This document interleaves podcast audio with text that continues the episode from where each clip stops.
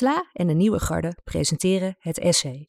In elke aflevering ontvangt Roos van Rijswijk een gast die een bijzonder essay meeneemt.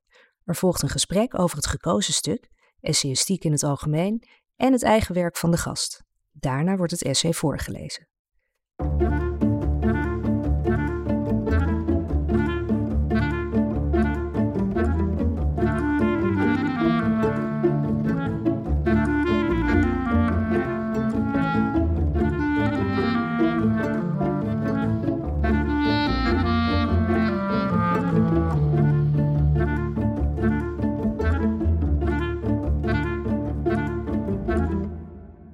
Veralgemeniseren is een noodzakelijk gereedschap in de kist van elke schrijver. Je moet de hele bende bij tijd en wijle over één kam scheren om er iets zinnigs over te kunnen zeggen. Overdrijven, aanstellen, buitenspel zetten, schwalbes en metaforen. Het hoort er allemaal bij. Dit is een citaat van Carolina Trujillo. Uh, Carolina is schrijfster van romans, bijvoorbeeld De Zangbreker en Vrije Radicalen. Voor NRC schrijft ze columns over sport en alles eromheen. En in haar meest recente boek Messi en Suarez, De gelekte gesprekken, legt ze als een ware taptolk de telefoongesprekken tussen de twee voetballers vast. Vandaag praten we onder meer over het boek waar ik net een citaat uit voorlas. Het gaat ook over voetbal, of misschien is het eerder een boek geschreven naar aanleiding van voetbal. Meisjes in blessuretijd, de hartgrasverhalen. Het verscheen in 2017 en werd in 2019 bekroond met de Jan Hanlo Essayprijs Groot. Maar we praten natuurlijk ook over het essay dat Carolina meenam en dat je aan het eind van dit gesprek kunt horen. Ik zie, ik zie wat ik eerst niet zag, door Dirk Walters. Carolina, laten we daar eens beginnen. Uh, waar gaat het stuk van Dirk Walters over? Um, hoi Roos, hoi luisteraars. um, het uh, essay van Dirk Walters gaat over um, uh, hoe hij, hij vertelt hierin hoe hij veganist is geworden en waarom mensen, als het over veganisme gaat, de veganist zelden of eigenlijk nooit vragen waarom. Um, hij of zij veganist is. Het gaat wel over heel veel andere dingen. Want wat, wat doen mensen dan? Uh, meestal, uh, nou eerst vinden ze je stom. En um, dan krijg je vaak vragen als: Oké, maar stel als je op een onbewoond eiland zou wonen, zou je dan toch, en er is niks te eten, zou je dan toch die meel eten? Dat soort vragen. Of kom je dan geen voedingsstoffen tekort? Uh, ja. Dat zijn wel de, ja, en Dirk Walters, hij is NRC-redacteur, dan ten tijde van dit stuk. Ja. Um, die schrijft dat hij, um, even kijken hoor, ik lees een stukje voor. Um, jarenlang was vlees eten voor mij zo gewoon als ademhalen. Totdat ik op mijn 35ste verjaardag een verandering onderging die de meeste mensen als radicaal zouden beschouwen. Niet alleen eet ik sinds die dag geen vlees, ik consumeer geen enkel dierlijk product meer. Ik ben een overnight vegan. Ja. En wat volgt is dus die uitleg. Hoe dat kwam. Hoe dat kwam. Ja. En waarom heb jij dit stuk ingebracht? Um, um, ik vind um, uh, dierenrechten belangrijk. Ik vind het, het stoppen van eten van dieren erg belangrijk. Dus als je mij een podium geeft en je geeft me vrijheid om iets, een onderwerp uh, uh, aan bod te brengen, dan zal ik heel snel geneigd zijn dat onderwerp te kiezen. Um, dus ja, en het, het, het, moet ook, want het wordt verder te weinig behandeld. Gisteren is dat uh, IPCC-rapport, uh, een nieuw IPCC-rapport voor klimaatrapport, uh, hoe heet het, gepresenteerd. Ja. Weer gaat het slechter. En dan kun je gewoon hele artikelen lezen, ook in gerespecteerde media, over um, klimaatverandering, wat we er tegen kunnen doen. En het hele woord vlees komt er niet in voor. Terwijl, dus, dat schrijft Walters ook. Uh...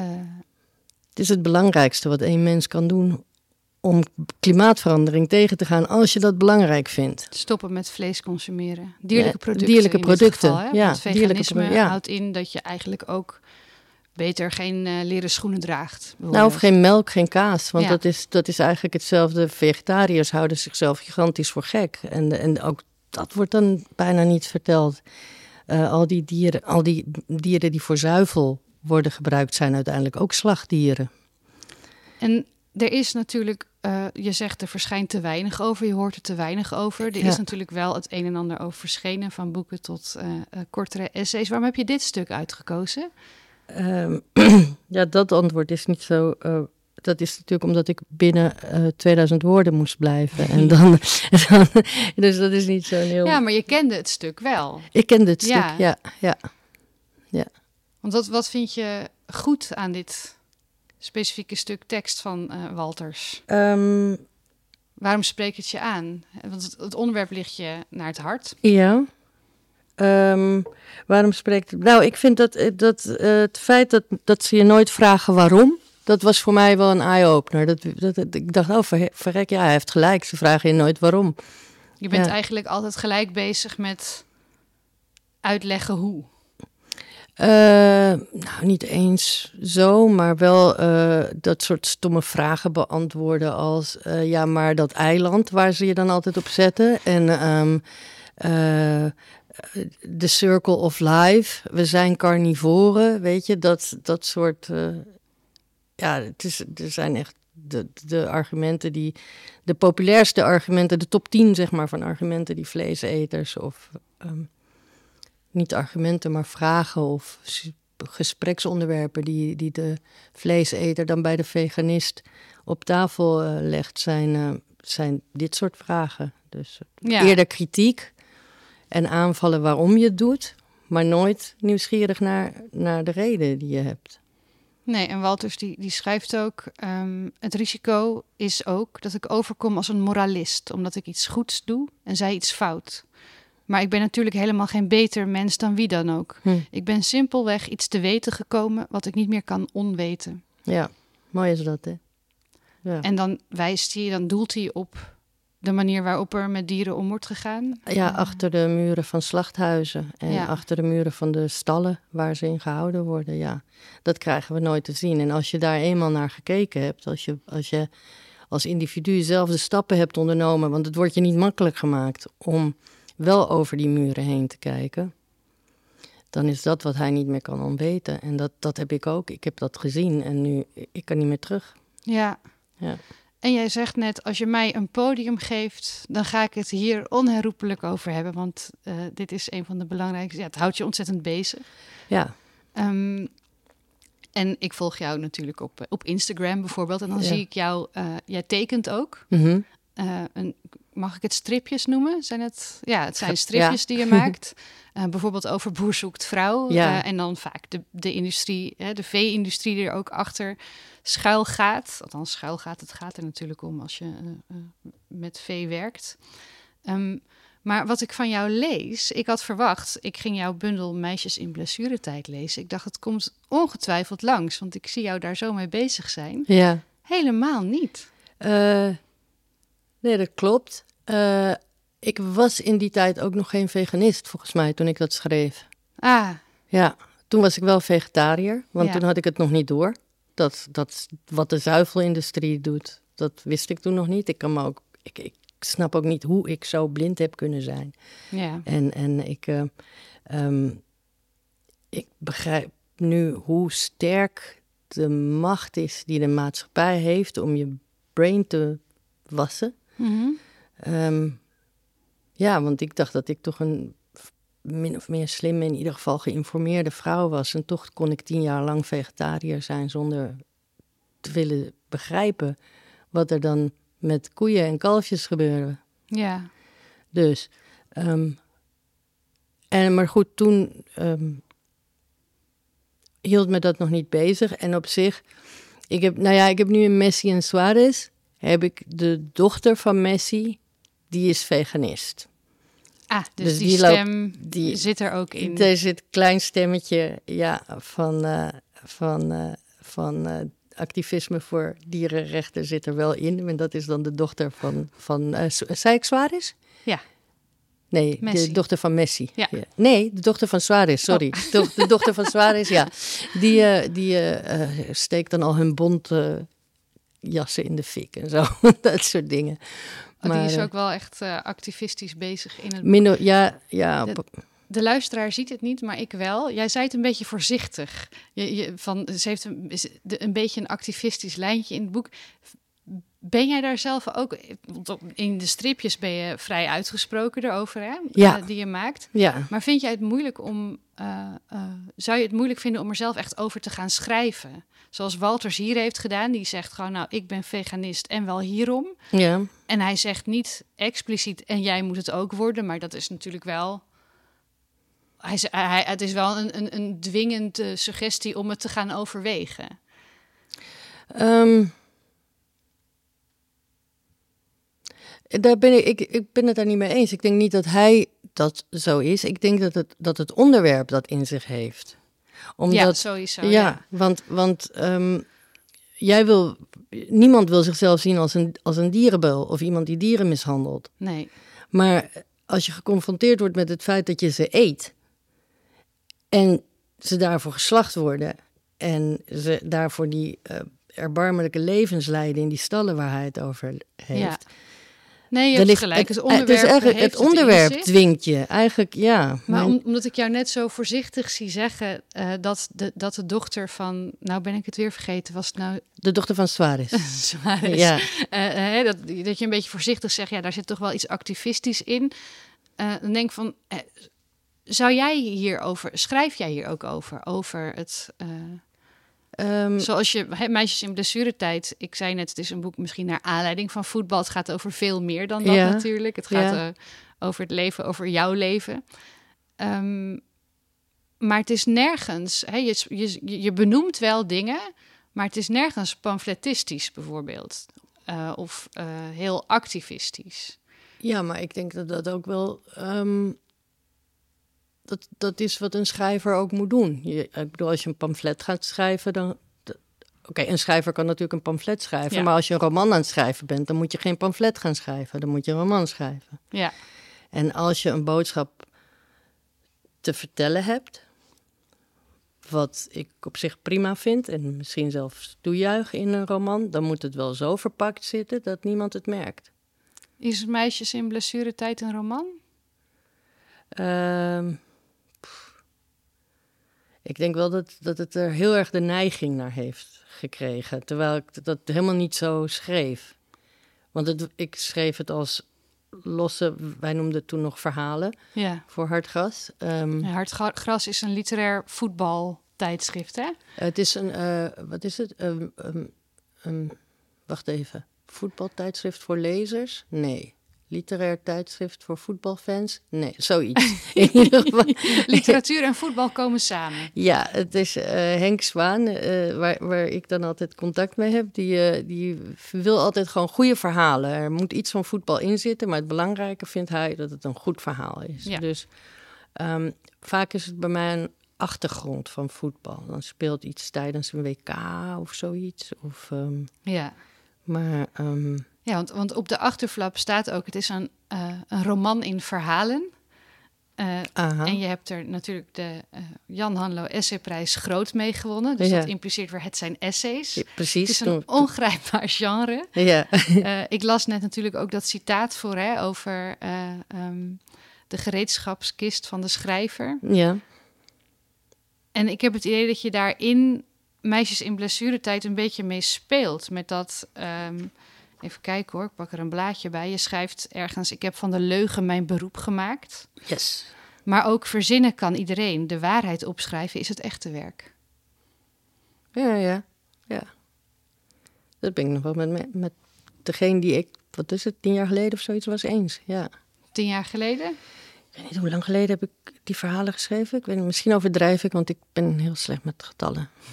Maar ehm, ja, met degene die ik was toen ik dat schreef in ieder geval, ja. Ik denk dat het, als je zomaar een verhaaltje uit je duim gaat zuigen, dan wordt het misschien niet zo'n heel goed verhaal, maar het is wel makkelijker te doen. En als je over dingen gaat schrijven die jou, die je bijvoorbeeld echt hebt meegemaakt, of die je echt raken, of die je, ehm,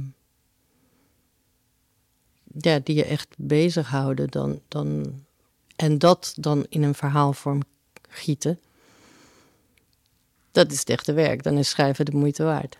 En ik heb Meisjes in blessuretijd gelezen. Ik heb het niet gelezen als fictie ook. Ja, snap ik wel. Had ik dat misschien wel moeten doen? Nee. nou, nee. Iemand mag het lezen toch zoals het wil. Maar ik denk wel dat ik er, ja, ik hoef te weinig te verzinnen. En dat, dat schrijft ook vaak makkelijker als je, als je een hele wereld moet construeren of je schrijft over een wereld die je kent. Ja. Een heel levensverhaal verzinnen of schrijven over een levensverhaal dat je al kent. Dan, staat er, dan ligt het fundament er al, het verhaal ligt er al en dan kun jij gaan bezighouden met, met ehm, ja, met het leggen van de lijntjes tussen de dingen die belangrijk zijn of zoiets. Terwijl als je het helemaal moet gaan construeren, wanneer was hij geboren, met wie was hij getrouwd, en dat moet je allemaal met die, uit die oude duim zuigen. Zoals in een roman. Ja, nou ja, dat hoeft niet, want je kunt ook een roman schrijven die over heel veel waar gebeurde dingen gaat en dingen die je kent. Ja, we dwalen een beetje af van uh, Dirk Walters. Daar komen we oh. straks vast alweer op terug hoor. Ja. Ehm, misschien wel handig om even uh, meisjes in blessuretijd. Ik zei net, het gaat een beetje over voetbal. Of naar aanleiding van voetbal. Jij zegt ook, dus een beetje de rode draad in die verhalen. Wat heb jij met voetbal? Want uh, je laatste boek over Messi en Suarez. Uh, ja. Het ook over twee voetballers. Ja, um, dus hoe, heet, hoe is het citaat uit The Godfather? Once you're in, they never let you out. Hoe is Alsof je bij de maffia zit. Ja, zoiets. Je glijdt, je glibbert er gewoon langzaam in. En het, ja, steeds... Uh, ja, uh, um, ja, voetbal zit gewoon. Het is best wel moeilijk als je. Um, um, ik denk dat als je een roman zou willen schrijven zonder dat er ook maar iets met, van voetbal in zit, dan wordt het best wel lastig als het realistisch is. Omdat het gewoon in al onze levens verweven is. Er is altijd wel weer een WK na, of een EK na twee jaar. Ja. En um, uh, ja, daar kan je er wel omheen gaan schrijven. Maar als op straat allemaal mensen met vlaggetjes lopen, dan moet je dat misschien toch... Ja, maar jij, jij hebt er natuurlijk niet... Je hebt er echt over geschreven. Een belangrijk begrip, misschien moeten we daar eens beginnen, ja. uh, is, ik hoop niet, ik, ja, ik weet niet of ik het goed uitspreek, Maracanazo? Ja, is prima. Ja? Maracanazo. Kun je dat, Maracanazo, kun je dat eens uitleggen? De Maracanazo. Dat was, uh, ja, maar dat is nu weer uh, overtroefd, hè. Maar um, in ieder geval, Maracanazo was ergens in 19, wat is het, 35, 53? 53, denk ik. In ieder geval jaren 50. Uh, en toen um, was het het einde van een WK in Brazilië. Brazilië zou kampioen worden, vond Brazilië. En ze speelden de finale tegen Uruguay. En toen won Uruguay van Brazilië. Daar hebben mensen, Brazilianen, zelfmoord voor gepleegd of over gepleegd. En um, in Brazilië was het een drama. Het stadion heette het Maracanã, heet nog steeds het Maracanã. En uh, het Maracanazo was dus dat de Uruguayanen op het laatste moment van Brazilië dat WK wonnen. En ik was een keer in Uruguay aan het liften. Ja, jij, komt uit Uruguay. Ik kom uit Uruguay. Ook handig om even te vermelden, ja. ja. Ik was van huis weggelopen, ik was aan het liften met een vriendje. En toen werden we meegenomen door een van de mannen die in dat elftal hadden gespeeld. Daar waren er nog op dat moment twee of drie van in leven. Ja. En een van hen nam ons mee als lift ik, ik zei dat tegen Henk Spaan toen, toen ze vroegen: wil je een verhaal, verhaal, schrijven voor Hard Gras? Ik zei: ja, maar ik heb niks met voetbal. Ik heb misschien één voetbalverhaal in me, zei ik tegen hem. en dat is omdat ik toen door El Monoram de Aap Gambetta, zo heette die voetballer, ja. Uh, een lift uh, heb gekregen. En dat is denk ik het enige voetbalverhaal dat ik in me heb. Toen zei Henk: dat klinkt als een goed verhaal. Schrijf maar op. Toen ben ik dat gaan schrijven. Dat werd het eerste verhaal voor Hartgras. En toen bleek je toch bijzonder veel verhalen over voetbal in je te hebben. Belachelijk. Ja, belachelijk. Ben je sindsdien ook uh, fanatieker voetbal gaan kijken? Of ja, je dat ja, al? ja, want toen, ja, ja, ik ben toen meer voetbal gaan kijken. En uh, ja, daarna, het tweede was, ik had verkering gehad met een keeper in Den Haag. Ja, dat vond uh, Henk ook een verhaal.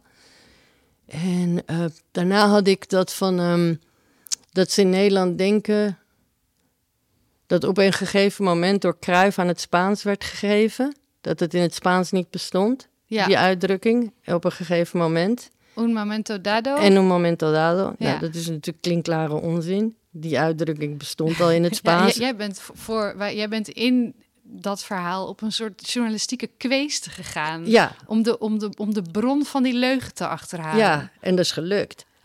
ja, je hebt hem gevonden inderdaad. Ik heb hem gevonden, ja. Eh, maar goed, dat, eh, want het bestaat in heel veel andere talen. Dat was het eerste bewijs dat ik had, zeg maar. Het bestond. Hoe kon die uitdrukking op een gegeven moment niet in het Spaans bestaan... als het wel in het Baskisch bestond, of in het Frans, of in het Russisch. En daar had ik dan alle eh, vertalingen van opgezocht. En daarna ben ik op zoek gegaan naar wie, wie met die leugen was gekomen. Um, dus dat was een derde verhaal. En zo bleken er dus steeds toch... Oh ja, wacht, misschien heb ik nog een verhaal hierover. En Henk zei dan steeds van... Ja, dat klinkt als een verhaal, doe maar. En dan ging ik weer schrijven en dan was het weer een verhaal. En zo ontstond die bundel. Die toen essays bleken te zijn. Ja, en in die essays, je, je liet het net al doorschemeren. Hè? Je, je bent uh, als tiener weggelopen van huis en hm. kreeg toen inderdaad een lift van de Avant Gambetta.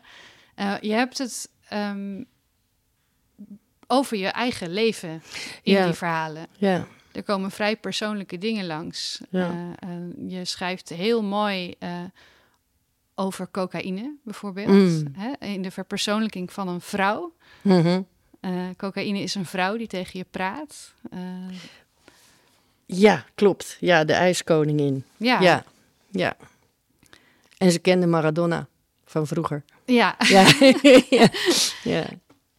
Was dat voor het eerst dat je op die manier over je eigen leven ging schrijven? Uh, nee, ik denk het niet. En dat, dat, dat geeft het, dat, dat, uh, dat, dat het over het echi gaat, zeg maar, geeft het die essayistische ja. tik, hè? Ja, dat is, uh, ja, dat vind ik, ja. Ja, kijk, er komen natuurlijk heel veel zaken in jouw romans voor. Ja. Die, die in deze essays, als ik ze toch even mag noemen, ook voorkomen. Ja. Um, Uruguay bijvoorbeeld. Uruguay, ja. ja. om ja. dwarsstraat te noemen. Ja. Uh, maar inderdaad ook uh, uh, cocaïne, um, ja. het, het, het op weg zijn. ja, maar in, in, maar in sorry, meisje- en blessuretijd is het toch wel meer Hè, in een roman kan je misschien nog verschuilen achter dit is fictie. Ja. Nu lees ik over Carolina ja. die met haar vriendje wegloopt. Ja. Of die met de keeper gaat samenwonen en na twee dagen weer uit elkaar gaat. Ja. Dat is echt waar. Dat ja. Is, ja, dat is, ja, de, de, ja, meisjes in de blessuretijd is inderdaad heel erg dichtbij. Ja. ja. En in een roman kan het een, kan het een personage uh, daar kan je het dan in gieten. Dan wordt het een man in vrij radicale. Ja. Uh, daar zit ook vrij wat veel cocaïne in. En dat is, uh, maar dat is, dan is de hoofdpersoon een man. En dan schrijft het makkelijker, toch wel, fictie. Dus dan is fictie weer makkelijker? Fictie is makkelijker, denk ik, ja. Ja. Ja. Uh, en als dingen over het echt gaan, dan worden ze vaak mooier, denk ik. Maar het is wel voor de schrijver taaier, ja. En die, om, om het te doen, om het, om het eruit te krijgen, zeg maar. Ja, en om het te durven publiceren misschien. Precies, dat soort dingen, ja. dat maakt het zwaarder, ja. En dat wat ik net las, even kijken hoor, verzinnen kan iedereen. De waarheid opschrijven, dat is het echte werk. Dat is volgens mij iets dat jij op de filmacademie hebt meegekregen. Zou kunnen, ja. Die heb je ook gedaan? Ja. Ja, opleiding scenario schrijven. Ja, en je zei net al, um, in Messi en Suarez uh, er komen heel veel. Uh, dat zijn vooral, dat zijn eigenlijk dialogen. Ja, aan één stuk door, alleen maar. Alleen maar ja. dialoog, dialoog, ja. dialoog. Ja. ja. telefoongesprekken tussen hun en, twee. En ik link dat dan automatisch, ik weet niet zoveel van scenario's, aan scenario's. Klopt. Ja, klopt ja, dat? maar ik heb daar ik heb uh, heel veel technieken uit in gebruikt die ik op de filmacademie geleerd heb. Dus eigenlijk ben je met dat boek een beetje teruggegaan naar je roots als schrijver. Ah, ik weet niet of de filmacademie... Ja, de, naar de opleiding. Maar ja. dat was niet mijn roots als schrijver. Je vroeg net of ik, um, of ik eerder... En toen dwaalde ik gigantisch af. Maar toen uh, of ik eerder zo uh, als meisjes in blessuretijd... dat je het over je echte leven schrijft. Ja. Uh, dat heb ik eerder gedaan. Ik heb, ik heb mijn eerste roman, ik doe nu haakjes, teken, uh, uh, aanhalingstekens, uh, heb ik in het Spaans geschreven in Uruguay. En ik was toen, ik was nog geen 18 toen ik ermee begon. En dat was over mijn leven in Nederland, met allemaal verha- van die verhaaltjes over hoe het was om in Nederland als vluchteling te wonen. Ja. Ja, maar dat heb ik in het Spaans geschreven toen. En dat is ook in het Spaans uitgekomen, toch? Ja, en Ja. Daar, heb ik een, daar kreeg ik toen 1000 dollar voor. Want ik, daar kreeg, ik won een prijs ermee. En dan kreeg je de auteursrecht over de eerste druk in één keer uitbetaald. Dat was 1000 dollar. Ja. En daar kocht ik mijn ticket naar Nederland mee. En toen ben je teruggegaan. Ja. En toen ben je naar de filmacademie gegaan. Nee, ik heb nog wel eerst nog culturele antropologie en literatuurwetenschap en zo een beetje rond. een, een slingerweg ben je op de... Heb je dat allemaal afgemaakt? ook? Nee, hell no, Oh. ben je gek. Ja, nee.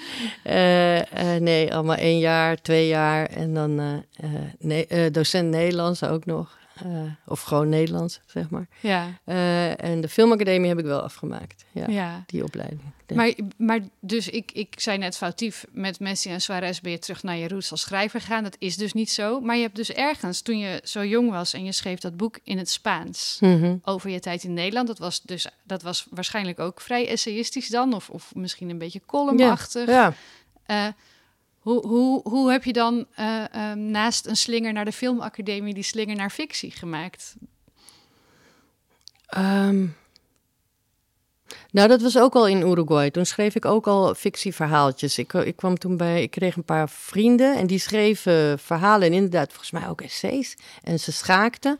En eh, dat waren een, was een groepje jongeren. In Uruguay gaan jongeren vaak in groepjes met elkaar om. Dan Ja. heb je je barra, heet het dan. Dat is dan je Een vriendengroep. Ja, en daar hang je dan mee. En dan drink je matte en schaken en, eh, of voetballen. Of Is dat anders dan in Nederland?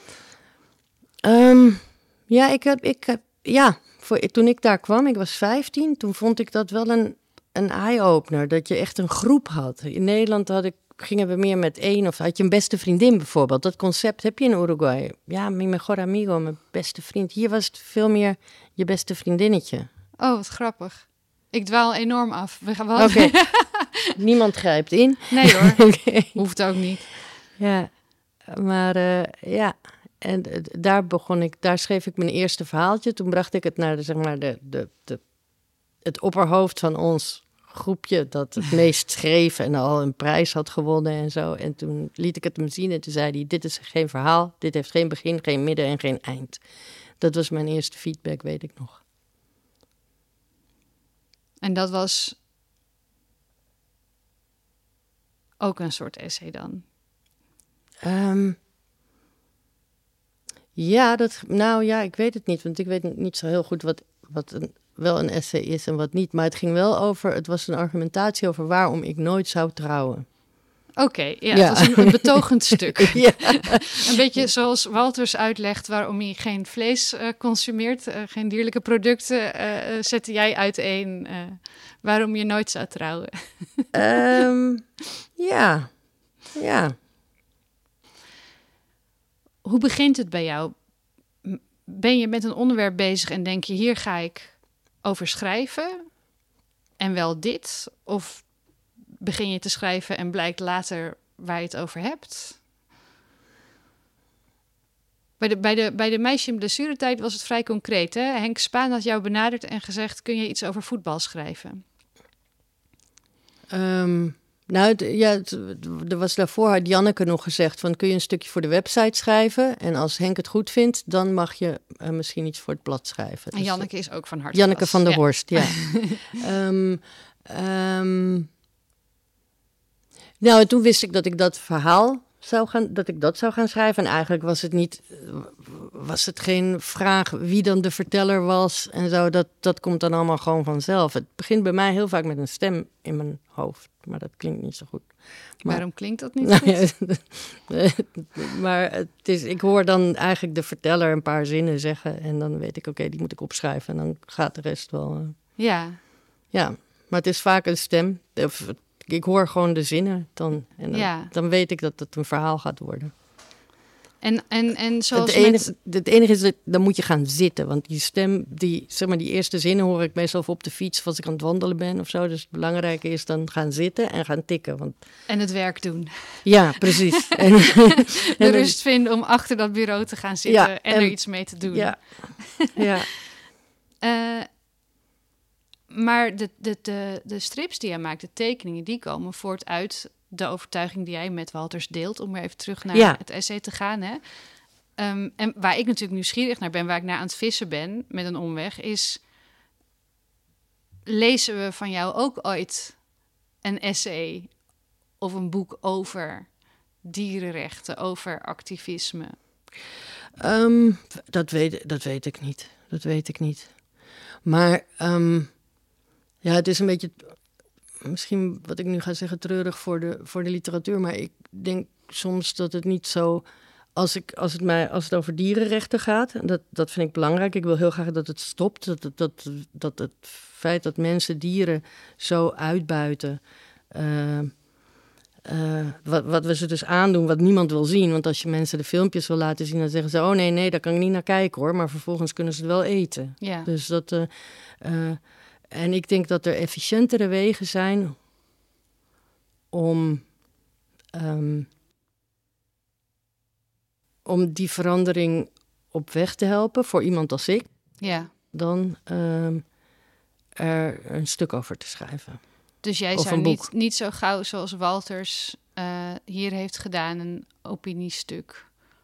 Een opiniestuk zou wel kunnen, want uh, dit, dit, kwam in, dit werd in NRC geplaatst. Dus het werd door veel mensen gelezen, hoop ik dan.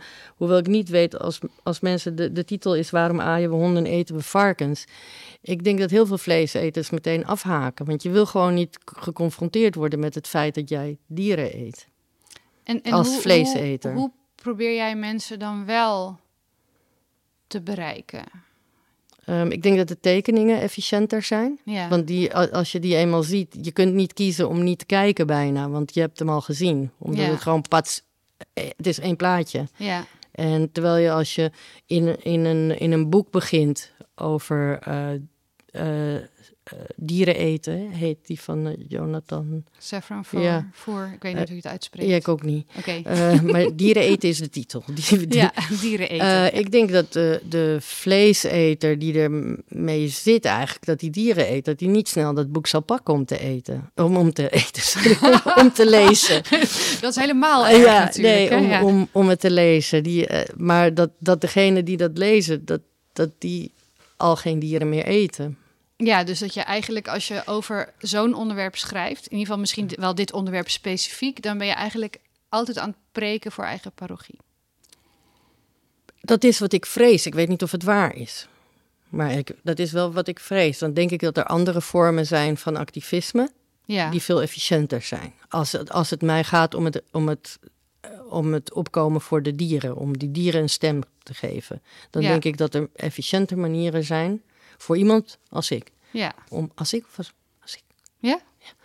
Ehm, ehm, dan een, een boek te schrijven. En dat heeft dan ook te maken met dat ik waarschijnlijk niet zoveel gelezen word, wat ik ook schrijf. Meer, Nou, nou, eh, maar ehm, dus de, de, daar zijn efficiëntere manieren van, van, denk ik. Van. En, en wat, wat doe jij als je eh, schrijft? Hè? Bijvoorbeeld de verhalen in Meisje in Blessuretijd of nou, Messi en eh Suarez. Dat is eigenlijk iets heel anders. Dat zijn die dialogen tussen de twee voetballers. Is, is de taal of de literatuur, om het wat hoogdravend te zeggen, voor jou iets anders? Kun, kun je daar, onderzoek je daar iets in? Probeer je daar iets in? Wat gebeurt er? Bedoel je in, in een verschil tussen een en ander boek, eh, boek of nee, in eh, het dat algemeen? je zegt, nou, de, hè, dat activisten, die, die, eh, eh, die dierenrechten die me zo naar het hart gaan, Ja, eh, eh, daar is de literatuur voor mij geen plek voor.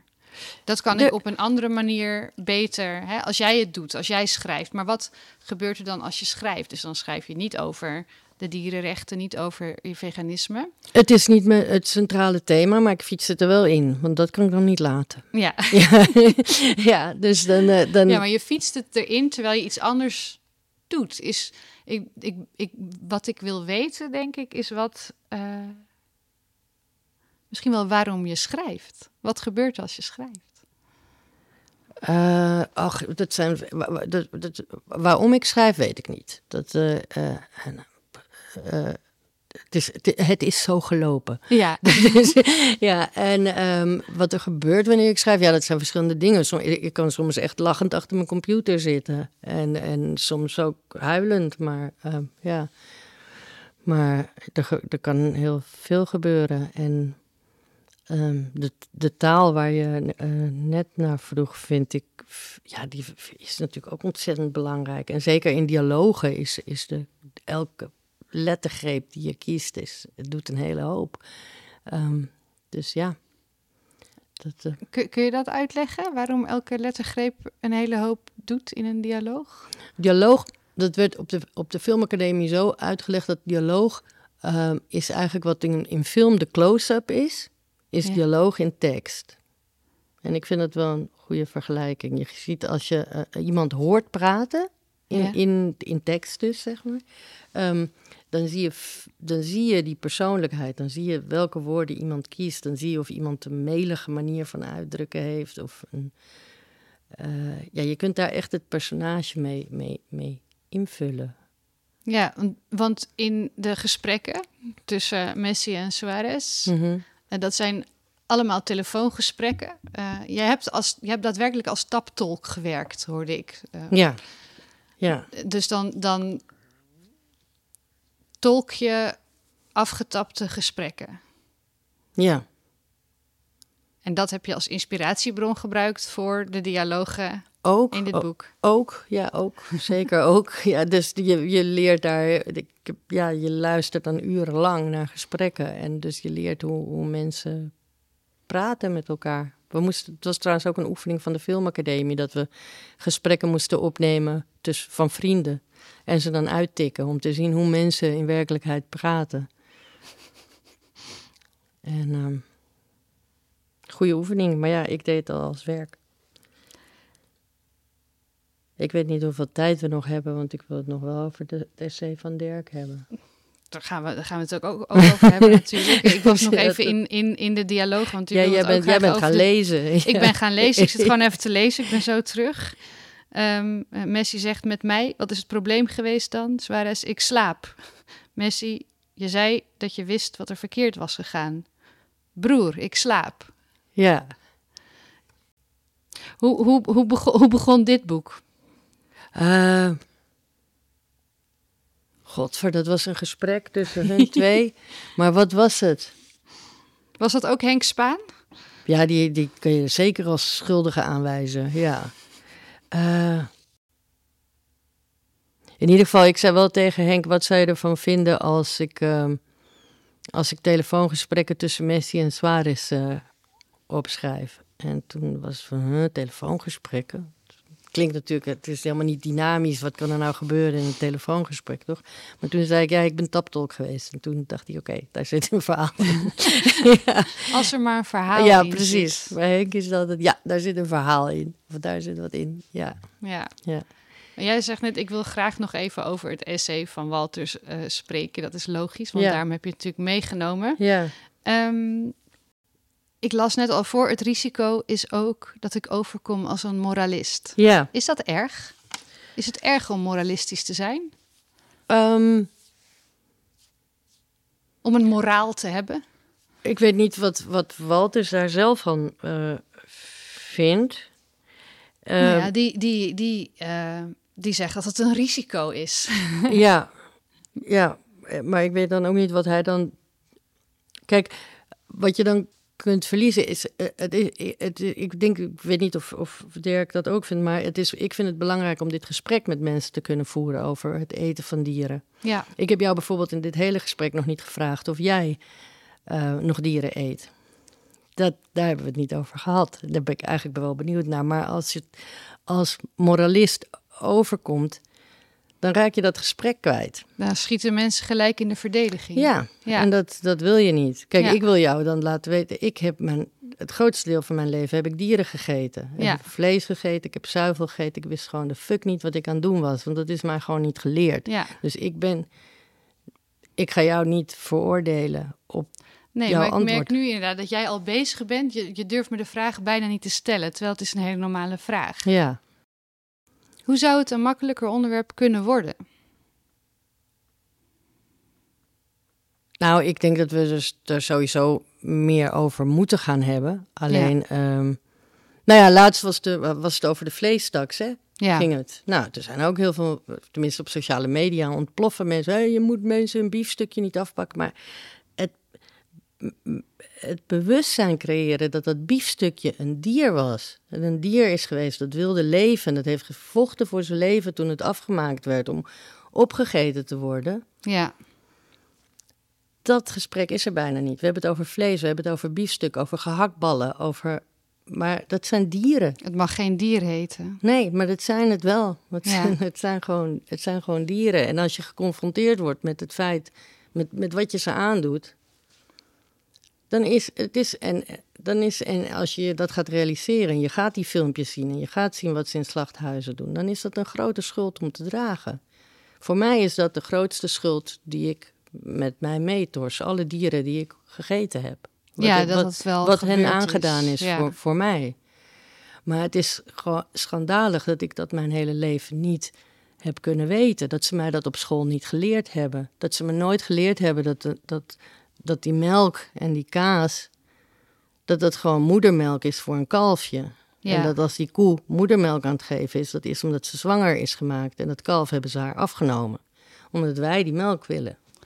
Maar wat Dirk, En dat leren we niet op school. wat Dirk Walters in het essay ook doet, is uitleggen dat het voor hem makkelijker werd. Dus, dus, dus die geeft, eh, behalve eh, de, de morele argumenten, dus, eh, die jij nu ook geeft, Mhm. zegt hij ook van ja, het is inmiddels, in ieder geval, hij, woont, hij zegt ik woon in Amsterdam, steeds makkelijker. Ja. Hij zegt letterlijk ook in Nederland is het niet zo moeilijk meer om veganist te zijn. Mhm. Is dat een manier? Schrijven of laten zien hoe het makkelijker is. Dat is om- ook een manier. En er zijn heel veel koks op, eh, op YouTube. En eh, voor mensen die van, hoe heet dat, foodporn? Als je, ja, als je naar koks eh, kijkt Ja. en hoe ze alles... Maar, je verlekkerd kijkt naar hoe mensen voedsel bereiden. ja, dat, daar zijn er heel veel vegan van inmiddels. Ja. En als, als mensen benieuwd zijn, hè, als mensen hier meer over willen weten, zou jij ze dan bijvoorbeeld boeken aanraden of eerder toch? Films. Films. Ik, denk, ik denk dat het heel belangrijk is om de beelden te zien. Om, eh, die, die film waar, waar eh, Dirk het over heeft, Earthlings. Ja, waarin de stem van, eh, ik lees een stukje voor, Earthlings, waarin de stem van voice-over Joaquin Phoenix verontrustende beelden begeleidt van hoe de mens met dieren omgaat. Na een minuut of 15 kon ik er niet meer tegen. Ik barstte in huilen uit. Nou, dat is precies hetzelfde is bij mij gebeurd. Ja, Ik begon Earthlings te kijken. Dat deed ik trouwens dat deed ik voor, voor een roman, waar ik, voor Vrije Radicalen. Ja. En ik, eh, het- die film bestaat uit vijf hoofdstukken. Waarin getoond wordt hoe de mens dieren gebruikt. Ik geloof dat ik tot hoofdstuk 2 ben gekomen, toen was ik vegan. Dus eh, als ik deze film er niet meer verder hoef te kijken, dan word ik nu vegan. En dat is zo, zo geschieden. En dat is kennelijk ook wat Dirk eh, is overkomen. Dus eigenlijk eindigen we hier met de boodschap: Kijk Earthlings. kijk Earthlings. ja. niet lees essays, maar kijk Earthlings. Nou ja, ja, ja. En dan lees daarna essays als je wil. Maar kijk vooral Earthlings. en als je, ja. Kijk Earthlings, lees Walters. Eh, nou, ik ben nu nog, trouwens eh, wel, ik ben een essay aan het lezen. Eh, de soldaat was een dolfijn van Eva Meijer. Maar daar ben ik nog maar net in begonnen.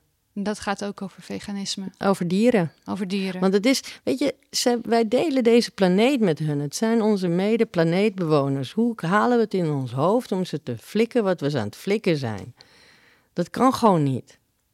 En ik denk dat echt dat het in onze tijd is dat het belangrijkste dat moet veranderen. En met die verandering verandert heel veel. Want dan los je ook het klimaatprobleem mee op, het voedselprobleem. Als je ziet wat er, hoeveel eten er aan dieren wordt gegeven, waar daarna een biefstuk van wordt gemaakt op, de, op die grond, kun je gewoon eten verbouwen voor mensen. Ja.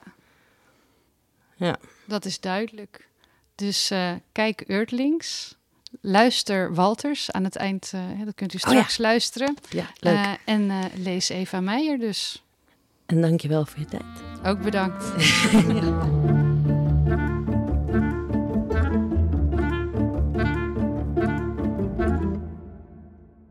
Waarom aaien we honden en eten we varkens? Het is een anekdote die ik in mijn jeugd geregeld heb gehoord en waarvan verschillende varianten bestaan. Zoals ik haar ken, gaat ze ongeveer zo. Ik heb een neef die een zomer in een krokettenfabriek heeft gewerkt. Toen hij eenmaal wist hoe ze gemaakt werden, hoefde hij van zijn leven geen kroket meer. Voor kroket kun je ook frikandel invullen of worstenbroodje. Het was de bedoeling van de verteller van het verhaal om de toehoorders lekker te laten gruwelen. Het deed je stilstaan bij de ingrediënten van de meest doorsnee snack in de snackbar. Er ging slachtafval in zo'n kroket, beweerde men, en uiers. Koeienogen, liters vet, restvlees, zo van het karkas geschraapt, ook wel separatorvlees genoemd. Als je eenmaal wist wat er in kroketten zat, zou je ze nooit meer moeten willen eten. Toch bleef ik na het horen van het verhaal kroketten eten. Ik bleef nog jarenlang kroketten eten en ook ander vlees, bijna alle soorten vlees eigenlijk, behalve vlees waarbij je het idee kreeg dat je op een pees zat te kauwen. Daar hield ik niet zo van. Jarenlang was vlees eten voor mij zo gewoon als ademhalen. Totdat ik op mijn 35ste verjaardag een verandering onderging die de meeste mensen als radicaal zullen beschouwen. Niet alleen eet ik sinds die dag geen vlees, ik consumeer geen enkel dierlijk product meer. Ik ben een overnight vegan. Van vleeseter werd ik veganist, zonder het tussenstapje van vegetariër. Het klopte met de anekdote over de krokettenfabriek. Bij het eten van een kroket lopen je verstand, dit is niet in de haak, en je gevoel, lekker, niet gelijk op. Maar als je er dieper over nadenkt, geldt dit voor het eten van alle vlees. Niet omdat de ingrediënten onbekend zijn, maar omdat we de dieren die we eten op een weerzinwekkende manier behandelen. Ergens wist ik heus wel dat de bio-industrie niet deugt en dat je daar, als je dieren eet, aan bijdraagt. Ik was net zo'n hypocriet als iedereen. Wel de lusten, niet de gewetensnood. Mijn overnight bekering klopte ook met mijn omgeving. Wat me hielp is dat ik destijds in Tel Aviv woonde.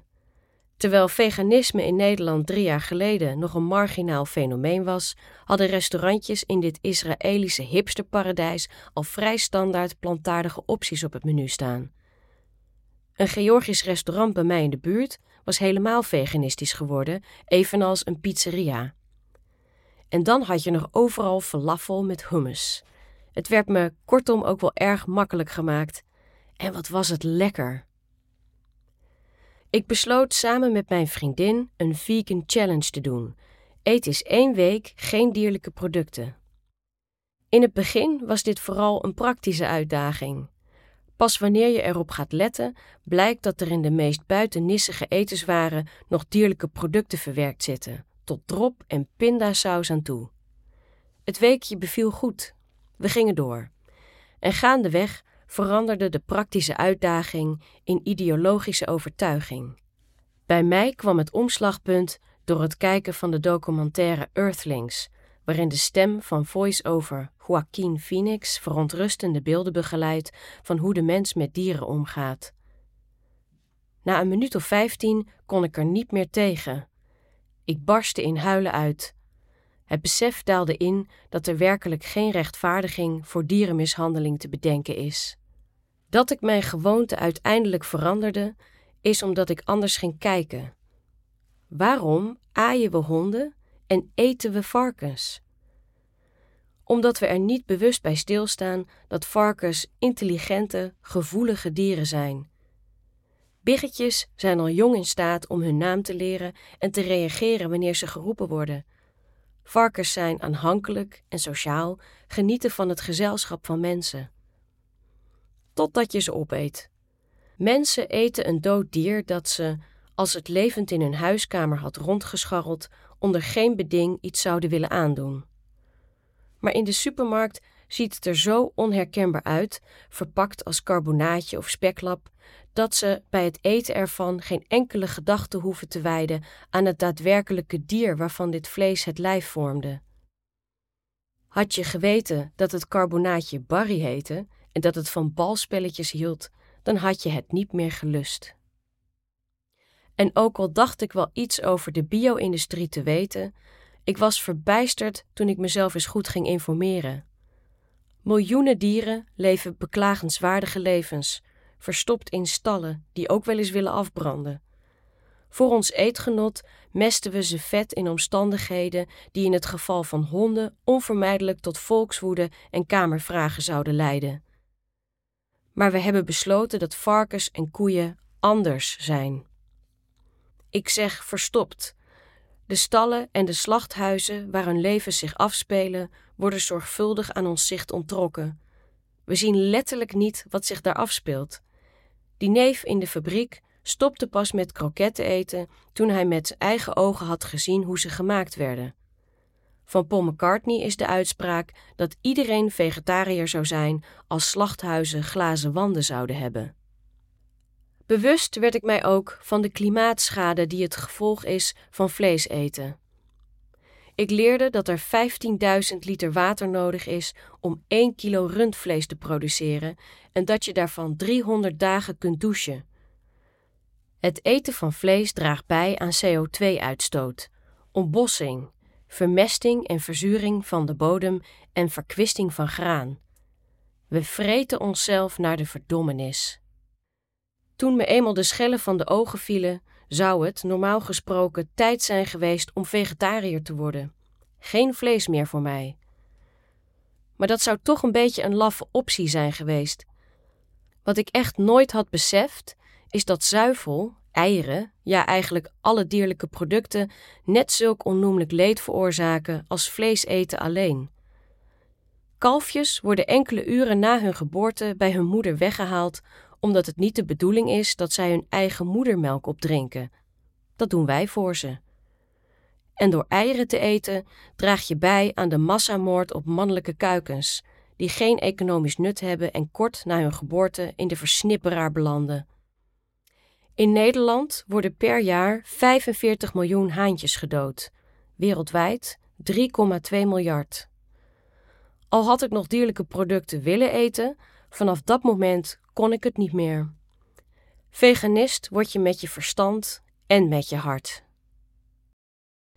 Inmiddels weet ik in supermarkten blindelings de koekjes zonder dierlijke producten te vinden. Betoog ik bij hoog en laag dat mijn plantaardige mayonaise elke eiervariant moeiteloos verslaat en ben ik kind aan huis in de veganistische restaurantjes die Amsterdam in de tussentijd veroverd hebben. Ook in Nederland is het niet zo moeilijk meer om veganist te zijn. Wat er nog wel is, is het onbegrip. Vlees eten is in essentie een vrij extreme vorm van cognitieve dissonantie. In 2001 muntte de Amerikaanse sociaalpsycholoog Melanie Joy het begrip carnisme. De heersende ideologie waarin mensen geconditioneerd worden om het consumeren van dierlijke producten te rechtvaardigen. We zijn zo gehecht aan ons vlees en zo geïndoctrineerd dat het normaal is dat we defensief of zelfs agressief reageren wanneer we het idee hebben dat iemand het van ons wil afpakken. In 2017 publiceerde dierenrechtenorganisatie Animal Rights undercoverbeelden die gemaakt waren in een Belgisch slachthuis. Te zien was hoe varkens werden geschopt, geslagen en hoe ze bij hun volle bewustzijn waren toen hun keel werd doorgesneden. De situatie in dit slachthuis was verre van uitzonderlijk. Dat de beelden zo choqueerden, komt doordat dit toestanden zijn die wij normaal gesproken niet zien, die wij niet mogen zien. Ik besprak het filmpje met een vleesetende collega. Hij vond het nieuws ronduit afschuwelijk, maar had de beelden zelf niet gezien. Nee, dat kan ik echt niet kijken hoor. Voor de lunch bestelde hij vervolgens gewoon weer een broodje ham. Over Koreanen die honden eten zijn we verontwaardigd. Maar wat is het principiële verschil tussen een hond en een varken? Denk niet dat ik de spagaat van de vleeseten niet begrijp. Jarenlang was ik er ook een. In mijn achterhoofd wist ik dat er iets niet deugde. In de praktijk had ik de ene hamburger na de andere kapsalon. Als er maar geen pees in zat. Als mensen horen dat ik veganist ben, krijg ik meestal vragen over boodschappen doen over gezondheid en over hoe lastig het is met etentjes. Of ze testen mijn argumenten door me een extreem scenario voor te houden. Stel, je zit maandenlang op een onbewoond eiland, puntje, puntje, puntje. Naar mijn beweegredenen wordt verrassend genoeg zelden of nooit gevraagd. Mijn these is dat mensen het antwoord liever niet horen. Want dan ontkomen ze niet aan reflectie op hun eigen eetgedrag. En dat is confronterend. Het risico is ook dat ik overkom als een moralist, omdat ik iets goeds doe en zij iets fouts. Maar ik ben natuurlijk helemaal geen beter mens dan wie dan ook. Ik ben simpelweg iets te weten gekomen wat ik niet meer kan onweten. Daar handel ik naar. En ook al ben ik allergisch voor alles wat naar zweverigheid zweemt, mijn gedrag is prettig in overeenstemming met mijn gevoel. Dieren eten, dat voelt helemaal niet goed. Je hebt het pas door als je het ziet. Het essay is een podcast van Sla en de Nieuwe Garde. Stemacteur Barbara Knapper, techniek door Jasper Schonewille, montage door Rut Kief, beeld door Kai Brugmans.